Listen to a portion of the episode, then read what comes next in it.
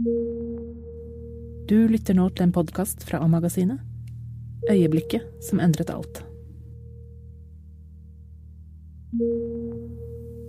Så jeg begynte jo etter hvert å forberede at jeg ikke skulle være her så mye lenger. Begynte å tenke på hvordan begravelsen skulle være. Jeg ringte overformynderiet for å høre hvordan ting ble i forhold til sønnen min. Det blir liksom å forberede en avslutning, da. Stemmen du her hører, tilhører Katrine Nordstrand. Hun forteller om noe av det aller vanskeligste hun har vært gjennom. Den gang legen fortalte at hun har en sykdom med forventet levetid på to år. Kanskje fem. Det fins ingen kur, sa han. Hennes første reaksjon var å forberede en avslutning. Sin egen begravelse. Tenkte at jeg skal eh, gå ut litt i den stilen jeg har vært. Sånn at jeg, vil, eh, jeg ville ha på meg en eh, gullpaljettkjole. Og så ville jeg at eh, gode venner og Anne skulle spraylakkere kisten min med gull, gullspray. Eh, og så var det noe med musikken og Katrine har ALS. Amyotrofisk lateralsklerose. Da hun fikk beskjeden, ville hun bare dø med en gang. Aller helst bare ta en overdose og legge seg under et tre. Hvordan ville du selv reagert? I det øyeblikket livet plutselig endrer seg? Brått? Fra den ene dagen til den andre? Det er dette denne historien handler om. Det er nå halvannet år siden Katrine fikk diagnosen. Jeg møter henne hjemme i leiligheten hun nettopp har flyttet inn i. Katrine sitter på en stol ved enden av det rustikke trebordet i stuen. Ved siden av henne sitter Anne, lillesøsteren. Katrine er 47 år og mor til en sønn som snart er tenåring. Neglene er rødlakkerte, og hun har på seg en mintgrønn, flagrende chiffongbluse. Historien hennes, da alt brått endret seg, begynner for to år siden. En langfredag ettermiddag i 2015. Jeg er på vei ut fra badet, og den lille en sånn liten terskel ut, så, så, så, bare sviktet det benet jeg gikk ut med. Og så hørte jeg faktisk at det knakk, da. Hun merket det når hun trente. Bena ville ikke. De var tunge og ville liksom ikke være med. Så jeg går jo med en sånn uro inni meg. Men så hele tiden så tenker jeg at eh, så tenker jeg at jeg ikke skal tenke det verste, da. Og så ble jeg ikke bedre. Og jeg hadde en følelse at noe var galt, og jeg skjønte ikke hva det var. Så noe stemte ikke. Sommeren går, og det blir høst. 13. oktober 2015 tar Katrine heisen opp til nevrologisk avdeling på Ullevål sykehus. Alene. Klokken er tolv da legen roper opp navnet hennes. Han har fått et svar på en prøve hun har tatt. Hun setter seg ned på stolen nærmest døren. Hun husker bare at rommet var hvitt. Hvitt og sterilt. Og så fikk jeg med meg at han snakket om motornevronsykdom. Hun skjønner ikke hva det betyr. Finner frem mobilen og skriver ordet ned som en tekstmelding. Det var mye ord, og han sa ja, det var dette med ALS. Og så og så stiller jeg spørsmålet men, men sier du til meg at jeg skal dø av dette? Og så kjente jeg bare at jeg må vekk herfra. Her kan ikke jeg være. Jeg må ha sammenbruddet mitt et helt annet sted. Jeg må ut. Ut, ut, ut. Hun drar hjem til sin egen leilighet. På stuebordet ligger en avis moren hennes hadde vært innom med noen uker tidligere. Katrine hadde aldri rukket å lese den. Nå griper hun avisen og blar fram til en historie som handler om tre mennesker med alvorlige sykdommer. En av dem har ALS. Hun begynner å lese. Forventa levetid to til fem år. Man blir avhengig av døgnpleie. Pusteevnen svekkes. Det gir en opphopning av karbondioksid i blodet som fører til at pasienten sovner og dør. Og så, og så ble det liksom Det bare gikk litt sånn i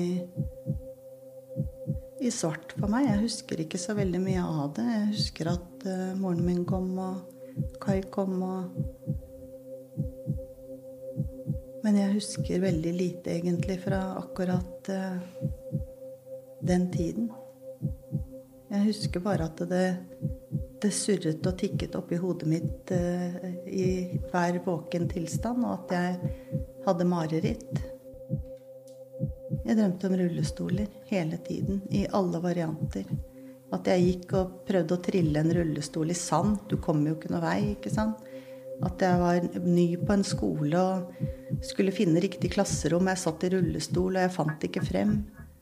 Ja, masse varianter over rullestol.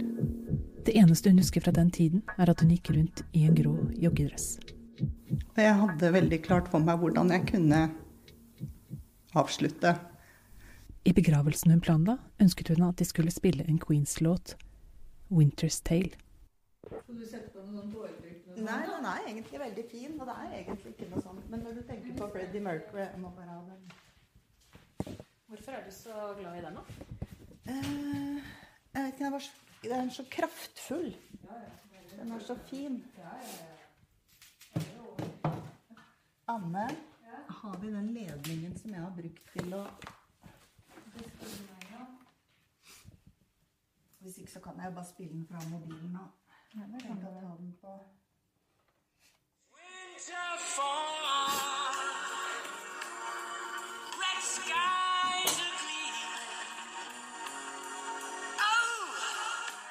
Katrine fikk beskjed en høstdag da solen skinte. Ukene gikk. Det ble jul. 2015 ble til 2016. Så kom en lang vinter.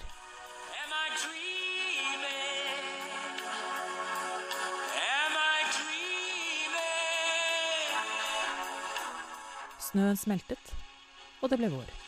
Et halvt år etter beskjeden gikk Katrine fremdeles rundt i en grå joggedress. Helt til moren min en dag sa at vet du, eh, nå syns jeg du skal få på deg noe annet, og så syns jeg du skal sminke deg litt. Og så tenkte jeg at det eh, det, Så tenkte jeg at det kan jeg vel gjøre for deres skyld. For jeg skjønte at jeg ikke var veldig morsom å se på lenger. Det var ikke mye leopard på den tiden der. Så da fikk jeg på meg litt sminke igjen, og så fikk jeg det egentlig litt bedre med meg selv når jeg orket å gjøre det. Og så skjønte jeg at jeg måtte Det har handlet mye om å jobbe med hodet og tankene, dette her. Og det har tatt lang tid. Men så var det plutselig en eh, dag hvor jeg var hos mine eks-svigerforeldre og spiste middag. Så hadde vi det hyggelig rundt bordet, og så oppdaget jeg at jeg hadde sittet ti minutter og hatt det hyggelig uten å tenke på at jeg var syk.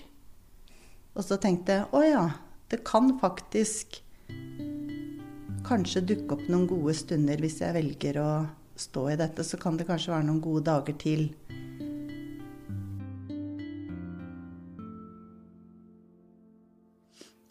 Husker du første gang du lo etter at du hadde fått beskjed?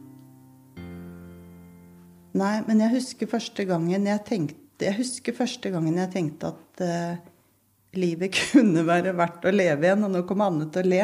Og det var at uh, det var nok Carl Christian og jeg dro til Sverige sammen god venn av meg. da.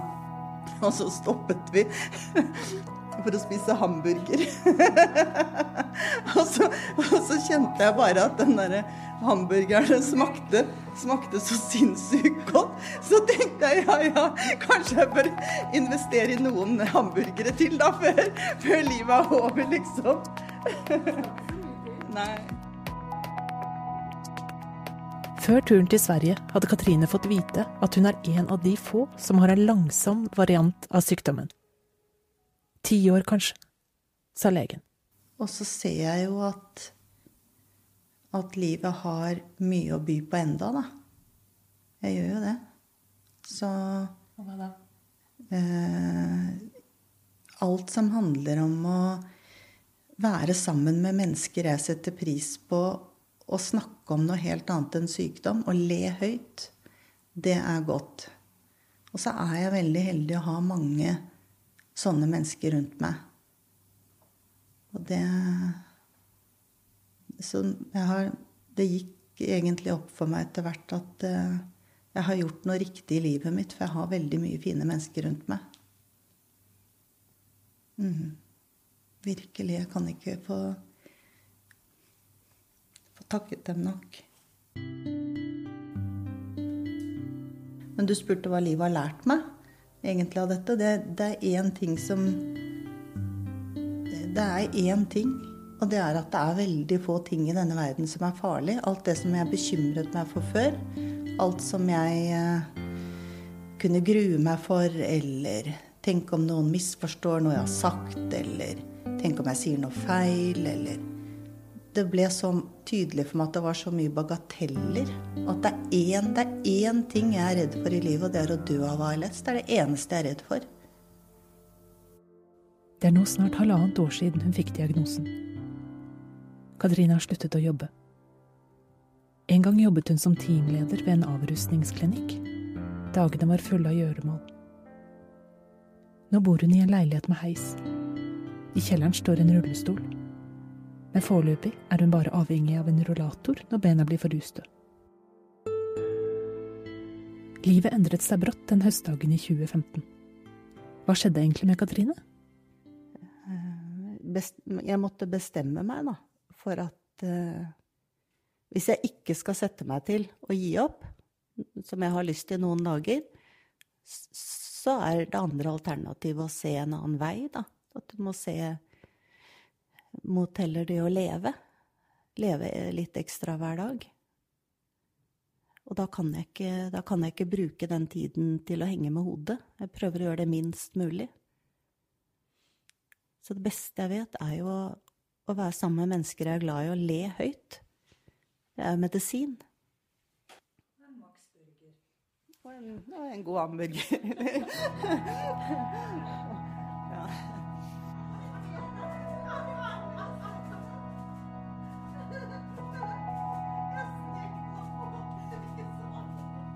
Men hva med begravelsen? Nå har jeg lagt det litt på is, da. ja, jeg har ikke like brått med å planlegge det. Jeg skal kose meg litt i fortsatt.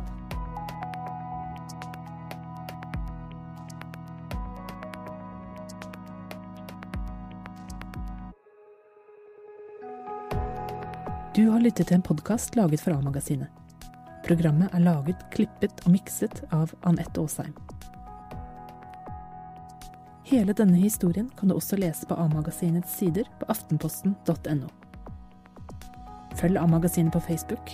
Der vil vi fortelle når det kommer flere lydfortellinger laget av oss. Vil du skrive til meg? Gjør gjerne det. Min mailadresse er anette at aftenposten.no.